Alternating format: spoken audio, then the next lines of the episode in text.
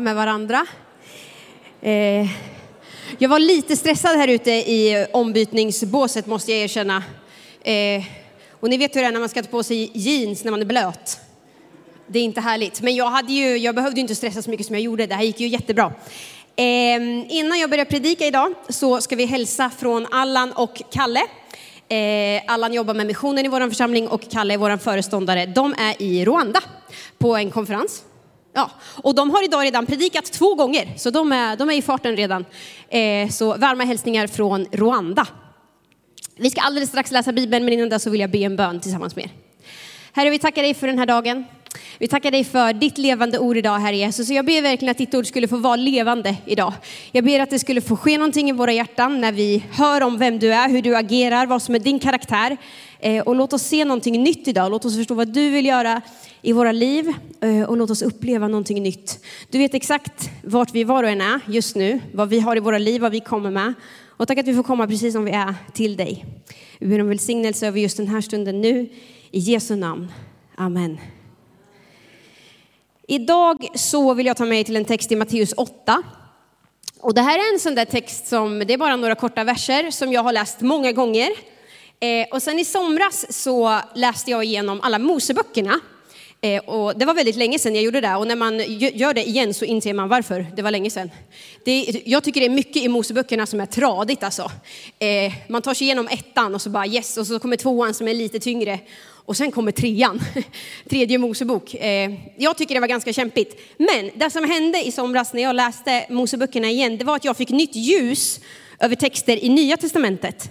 För att jag fick förklaringar till vad som skedde i specifika situationer. Och det här är en sån händelse i Matteus 8. Och vi vill läsa från den första versen tillsammans. Matteus 8 och 1. När han gick ner från berget följde stora skaror efter honom. Då kom en spetälsk fram och föll ner för honom och sade, Herre om du vill så kan du göra mig ren. Jesus räckte ut handen och rörde vid honom och sa, jag vill bli ren. Genast blev mannen ren från sin spetälska. Jesus sa till honom, se till att du inte berättar det här för någon. Gå istället och visa dig för prästen och befram den offergåva som Mose har föreskrivit. Det blir ett vittnesbörd för dem. Här kommer en man som faller ner inför Jesus. Han kommer inför Jesus med spetälska. Spetälska är en sjukdom som också kallas lepra. Eh, på den tiden som vi läser om här, då var det här en obotlig sjukdom. Man visste inte hur den spreds, man visste bara att den spreds eh, och att den var farlig. Ehm, det leder till att man kan få eh, konstiga liksom fläckar på sin hud. Det leder till att sår inte vill läka. Det kan leda till olika förlamningar i kroppen. Det kan leda till att det växer ut eh, bölder av en, en bakterie i ansiktet. Det kan i värsta fall leda till att kroppsdelar faktiskt faller av och eh, du går mot en långsam och plågsam död. Det är vad den här sjukdomen innebär. Idag så tror jag att man kan bota den. Ja, den finns fortfarande, men idag vet vi hur vi behandlar den. Det visste man inte på den här tiden, i den här situationen. Den var obotlig, den var dödande och det, led, det handlade om ett långsamt lidande. Men det som händer här är alltså den här sjuka mannen som har den här fruktansvärda sjukdomen. Han kommer fram till Jesus. Och när vi läser det här så tänker vi kanske så här, ja, ja, det här är ett av Jesu helanden. Han helar ju massa människor i Bibeln, vilket är fantastiskt. Men att den här mannen med den här sjukdomen kommer fram till Jesus fick ett nytt ljus för mig när jag återigen läste Moseböckerna. För det finns lagar i Gamla Testamentet om hur man skulle bete sig om du hade den här sjukdomen, hur man skulle behandla dem som hade spetälska. Och jag vill läsa med er ifrån tredje Mosebok kapitel 13, vers 45 till 46. Där står det så här. Den som konstaterats ha spetälska måste riva sönder sina kläder, låta håret vara oordnat, täcka nedre delen av ansiktet och ropa ut där han går fram, oren, oren. Så länge sjukdomen varar är han oren och han ska bo avskilt. Han ska ha sin bostad utanför lägret. Att på den här tiden ha konstaterats med spetälska, det innebar ett liv i utanförskap. Det innebar ett liv av evig skam. Det innebar ett liv av att ingen ville ha med dig att göra. Det innebar ett liv av att du var tvungen att gå klädd på ett speciellt sätt så att människor skulle se att du var sjuk. Och inte bara det, utan du var också tvungen att ropa där du gick fram. Oren, oren, oren. Jag läste i en bibelkommentar att det fanns till och med regler för hur långt ifrån man var tvungen att börja ropa.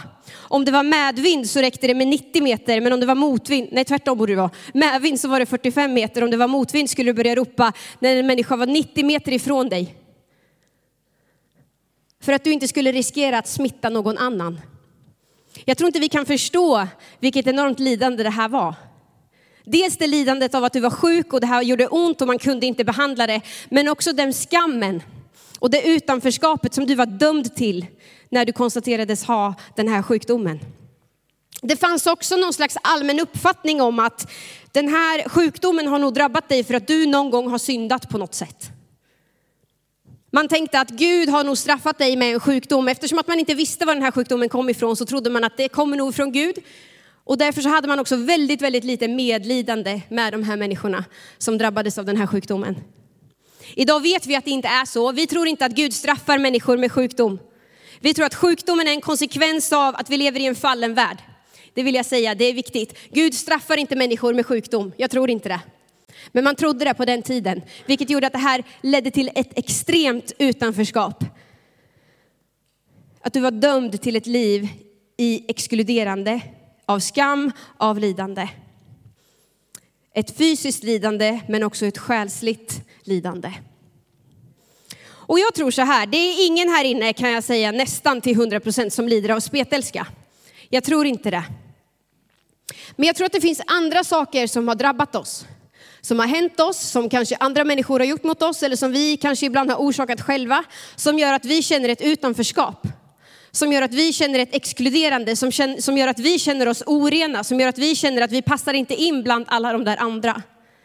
Jag tror att det finns saker i våra liv som vi borde hantera på samma sätt som den här mannen hanterade sin sjukdom. Som vi skulle må bra av att våga komma till, att våga komma till Jesus med. Blev det rätt? Vilka saker i våra liv borde vi hantera som den här mannen hanterar sin sjukdom? Att våga komma med det till Jesus. Det kan vara små saker. Det kan vara jättestora saker. Det kan vara ett område i sitt liv där man känner att det här har inte blivit som jag har tänkt eller det här har inte blivit som jag hade velat eller det här är inte som jag vet att det borde vara. Men det är så just nu som gör att man upplever ett utanförskap, som gör att man upplever en skam, en skuld på något sätt.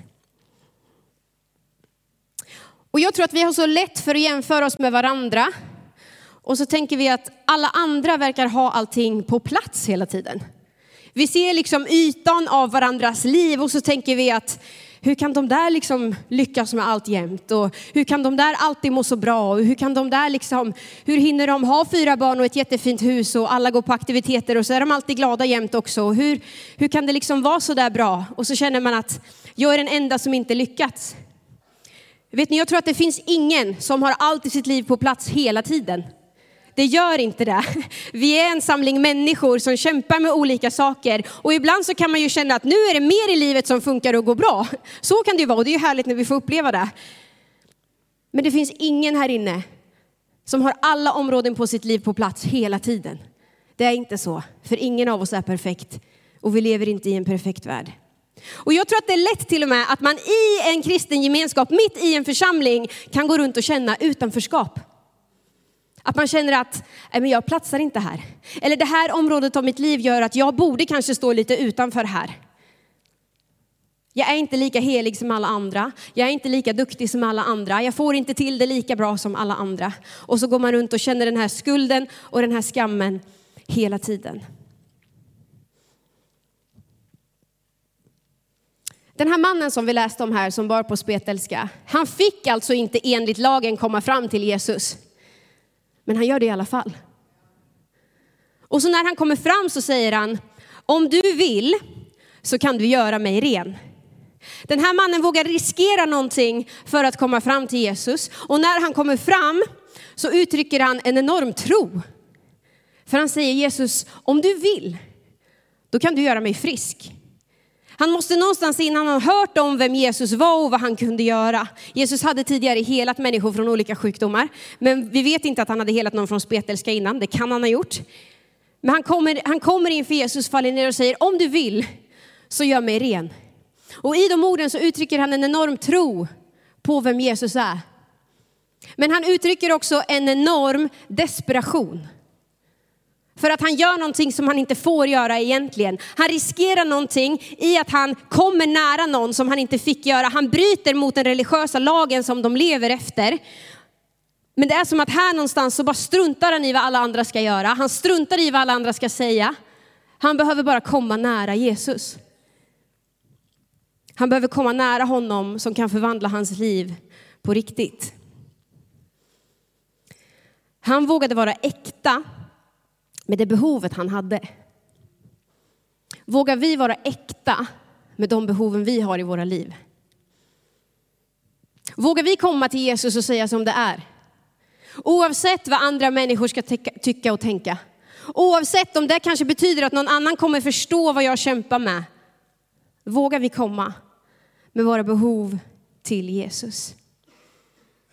Jag tänker så här, vi får aldrig som kyrka bli en plats av präktiga människor som håller upp en fasad gentemot varandra. Vi får aldrig bli det. Utan det här måste få vara en plats där vi kan vara brutna, där vi kan vara sårbara, där vi kan erkänna, jag behöver hjälp.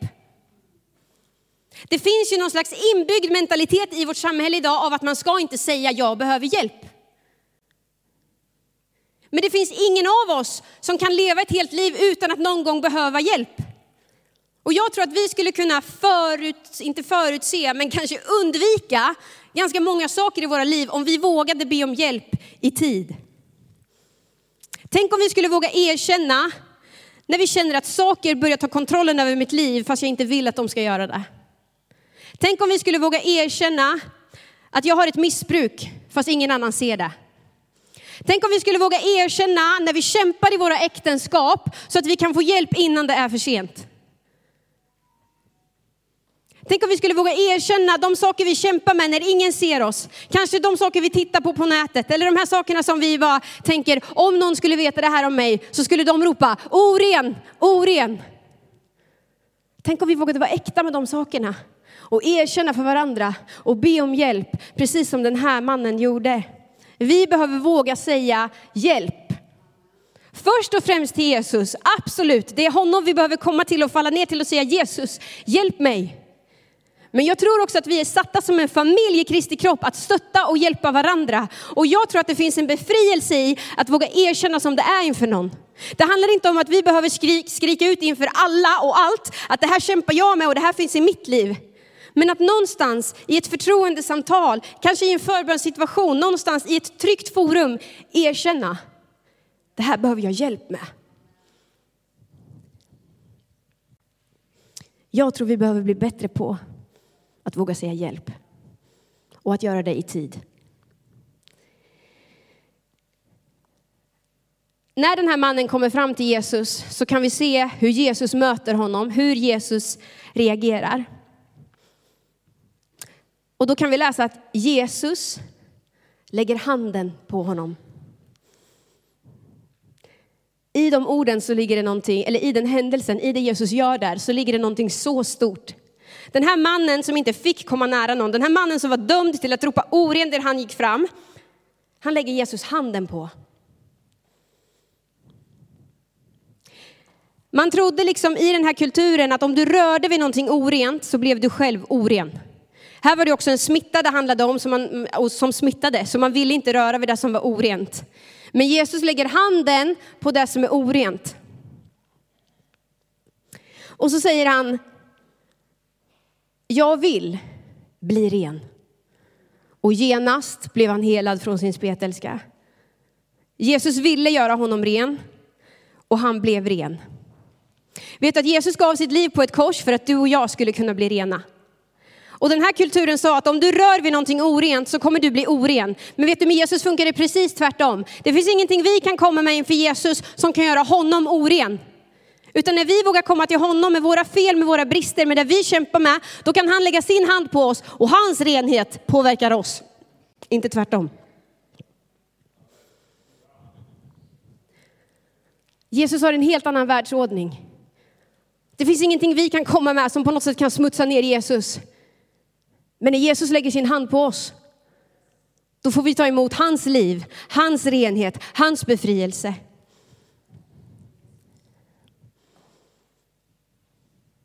Jesus var inte rädd för den här mannens orenhet, som i det här fallet var en sjukdom. Men det jag vill säga är att Jesus inte är rädd för det vi bär i våra liv. Jesus är inte rädd för att möta dig där du är. Jesus är inte rädd för att lägga handen på dig och hjälpa, mig med det, med det, hjälpa dig med det du har i ditt liv. Den här mannen blev helad från sin sjukdom. Men så ger Jesus också honom en uppmaning. Jesus säger åt honom, Jesus säger åt honom att gå och visa dig för prästen. Och så ska du bära fram den offergåva som Mose har föreskrivit. Återigen så handlar det här om gamla testamentet, det handlar om tredje Mosebok igen. För det fanns också lagar för vad man skulle göra om man blev fri från sin spetälska. Jag tycker det här är eh, på något sätt lite komiskt, för det var en obotlig sjukdom. Men det finns lagar i gamla testamentet för vad man skulle göra när man blev helad. Är inte det ganska häftigt? Men då stod det så här att om, om man blev fri från sin sjukdom, då skulle man gå och visa sig för prästen. Och så skulle man sitta i karantän ett visst antal dagar. Och så skulle prästen konstatera att ja, du är frisk. Och då skulle man genomgå en reningsprocess. Man skulle bära fram offer i templet, först två eh, duvor och sen också två lamm. Och då skulle prästen ta av blodet från det här lammet. Och först skulle man stänka det på den som hade blivit frisk. Och sen skulle prästen ta blodet och smörja örsnibben. Och sen tummen. Och sen stortån. Och när man läser det så tänker man bara, det här är ju sjukt på riktigt alltså. Men det finns en symbolik i det här som är så otroligt vacker. Det handlade om att blodet skulle symbolisera att nu är du fri, ren och frisk att kunna höra Guds röst igen. Nu är du ren så du kan utföra Guds verk med dina händer. Nu är du fri så du kan gå Guds väg för ditt liv. Visst är det häftigt? Det här handlade liksom om ett återinrättande, en återinstallering av hela den här människan. Och det var någonting som man skulle visa upp för hela församlingen, att den här människan har blivit frisk. Så att nu blir den här människan återigen en del av gemenskapen. Den här människan som varit exkluderad är inte exkluderad längre, för den är fri. Det handlade om ett återupprättande av hela personen. Och det handlade om att det fanns en väg tillbaka. Det finns alltid en väg tillbaka med Jesus. Det finns ingenting som kan ha hänt i ditt liv som gör att du aldrig mer kan bli använd av Gud. Även om andra människor har sagt det, även om du tänker det, även om du just nu tänker, men Malin du vet inte vad jag har gjort eller vad jag har gått igenom. Nej det vet jag inte, men jag vet vad Jesus har gjort. Och jag vet att på samma sätt som man kunde röra vid den här människan, han som hade en obotlig sjukdom, och kunde återinstallera honom i tjänst för Gud, så kan Gud återinstallera dig. Så kan Gud upprätta dig, så kan Gud befria dig ifrån det som gör att du idag känner dig utanför, som gör att du känner att jag platsar inte, som gör att du känner att Gud kan inte använda mig. För det är så att om vi vill komma till honom, då vill han möta med oss. Men han ger oss den möjligheten, han tvingar sig aldrig på oss, men han säger kom till mig. Kom till mig och låt mig inleda en process i ditt liv. Låt mig göra någonting. Det börjar med att vi vågar vända oss mot honom och börja gå med honom.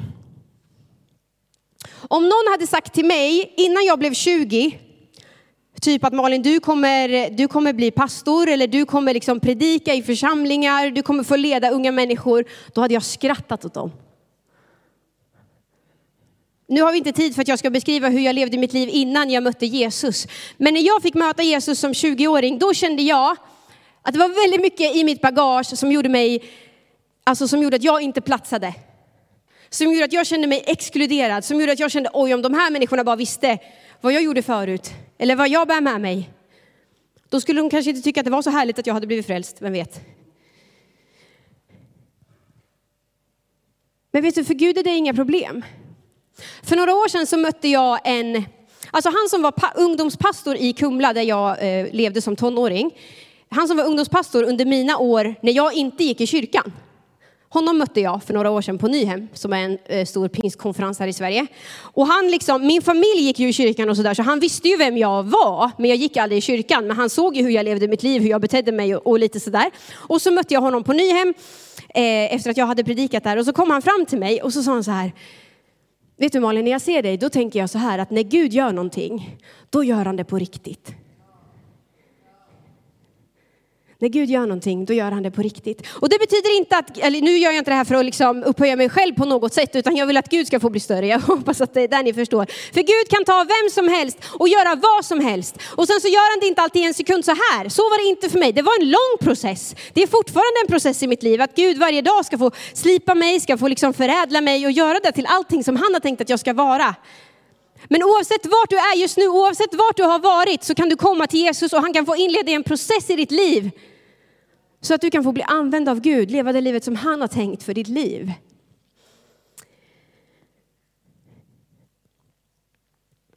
Jag ska alldeles strax gå för landning. Jag tror att det finns människor här inne som Gud idag på något sätt skulle vilja stryka, alltså där Jesus skulle vilja stryka sitt blod på din örsnibb. Där Jesus skulle vilja stryka sitt blod på din tumme. Där han skulle vilja stryka sitt blod på din stortå.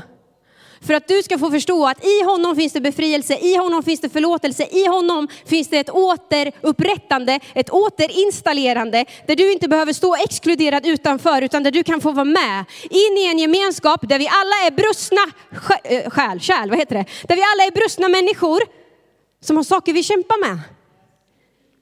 Du behöver inte stå utanför, utan jag tror att det finns specifika människor här inne idag som ska få uppleva ett återupprättande, ett återinstallerande, oavsett vad det är som har hänt dig. Låt Jesus lägga sin hand på dig idag. Kom till honom och låt honom inleda en process. Du kanske finns här inne som verkligen känner dig oren eller liksom ovärdig när du jämför dig med andra. Då tror jag Jesus vill göra någonting i ditt liv idag. Han vill hjälpa dig att se de guldkornen som han har lagt ner bara i dig. Det unika med dig, där du ska få se att okej, okay, jag är inte perfekt, men det är inte de heller. Och det funkar med Guds nåd.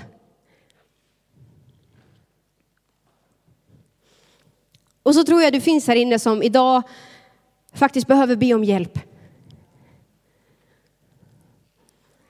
Det kanske är dags att försö liksom, sluta försöka själv. Det är så lätt att tänka, men jag ska bara. Eller när jag har fått ordning på det här eller när det där händer eller om jag bara försöker lite till, om jag skärper mig lite mer eller det är nog inte så farligt. Våga be om hjälp när du behöver hjälp. Och vi är alla där någon gång. Att vi behöver säga hjälp. Jag klarar inte det här själv. Och vet du, du har aldrig, liksom, Jesus har aldrig krävt av oss att vi ska klara någonting själva.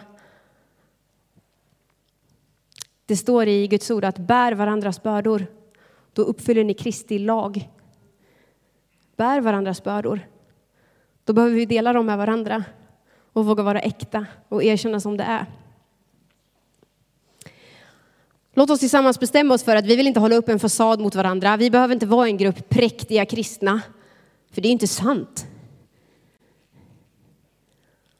Vi är människor som Jesus gör sitt verk i.